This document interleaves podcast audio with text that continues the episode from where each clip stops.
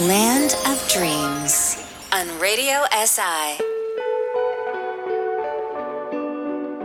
Uh, hello, yes. Um, is it working?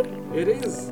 I can say something, I don't know what. uh, we are in Slovenia, in Jarenina. We're on a farm working for an NGO, uh, an organization, yeah, called Ecopod. And are you guys having fun? Uh, yes, definitely. I mean, we're having a lot of fun while working, obviously.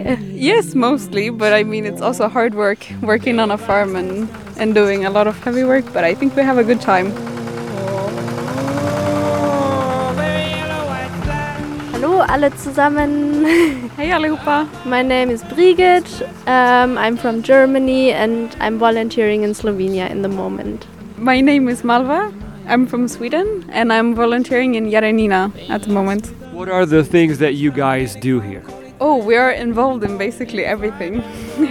yeah, for example, maintaining plants and um, sowing and transplanting vegetable plants and helping with the pruning berries and fruit trees and, and harvesting and packaging processed uh, products for our customers. Uh, yeah, so in the moment uh, we're doing a lot of uh, cultivation of all the fields. So we do a lot of hoeing, a lot of weeding. Have you had experience with this before, with this kind of work, before coming here? Yeah, I was um, volunteering for one and a half years in Scotland before, and I was also working there in a biodynamic garden every day. No, I have no previous experience. So I learned basically everything from how to maintain plants to how to process and and take care of everything and how to sow and everything you can think about that is related to gardening I've learned here. so this is your first time in Slovenia? Yes, it's my first time. Have you discovered any parts of the country? Yeah, well, it's just uh, not even a week ago that we've been uh, to the seaside. Uh, we were hiking there for um, a short week. It was very lovely. Yeah, so we were in Piran like uh, maybe three weeks ago, and I think that was amazing. Uh, and we were also, so we were hiking for four nights, and we started in um, Divača, so like uh, the karst, karst region, and then we went to the seaside. Yeah, we walked all the way. It was really perfect. it was perfect. Did you go swimming? Yeah, yeah, of course. it was amazing. What are the differences when you see the landscape here and the landscape in Germany and Sweden? One thing that I find kind of significant for this area here is like on the one hand it's very hilly so you look around and for example now here we are in a valley and like on both sides we have this like hills surrounding it and you can't really see very far.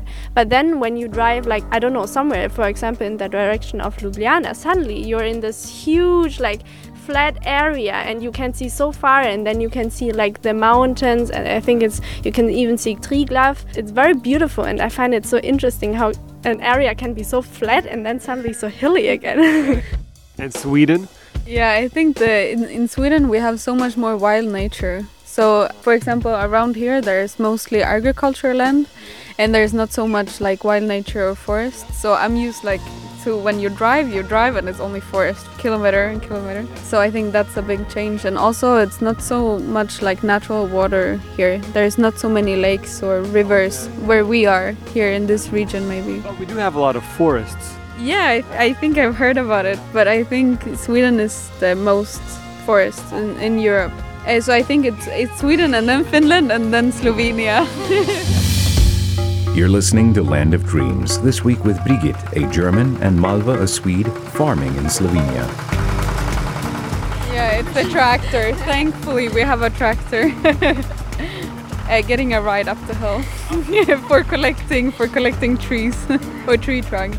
It's a challenge. Say at least for me, it's a constant challenge. Working in the space, being not at home all the time, coping with how to deal with work and to deal with my free time and being here. But I mean, it comes with a lot of joy as well. And also, you can grow from challenges. So it's something positive in the end all the time. Yeah, I think for me, I love volunteering and I love traveling. Um, but in the moment, I really recognize that I would really like to have more time with my family again because I have been volunteering for the last two years now and I haven't really had so much time, especially because of COVID. I couldn't really go and visit my family. I think for me, I just I lived in Stockholm before going here, so I kind of sometimes I miss living in a big city uh, because this is really rural. I would say like uh, the bus doesn't go on weekends, so you can't really go to bars so easily and everything and enjoy the city life. It's a bit difficult sometimes.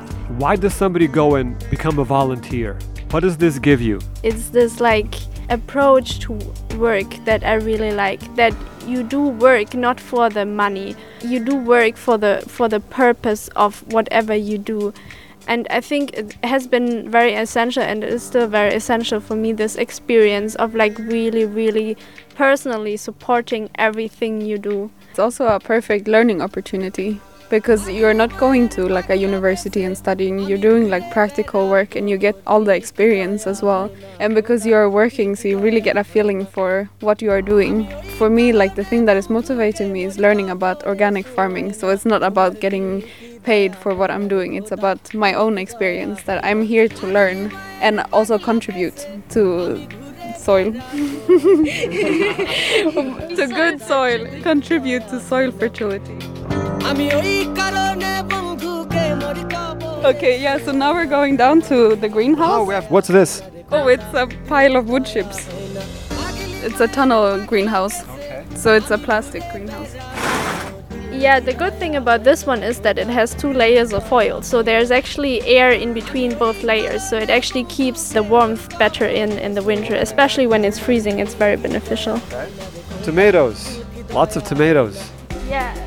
Do you know how many? Oh, have? no, I don't know. we never counted them.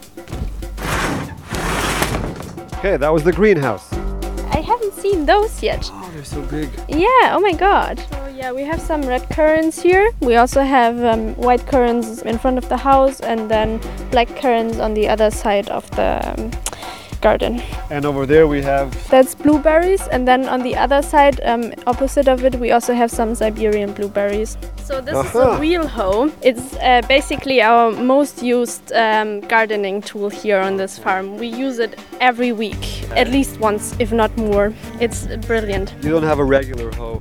Oh, we do. Should I get one? These are so good.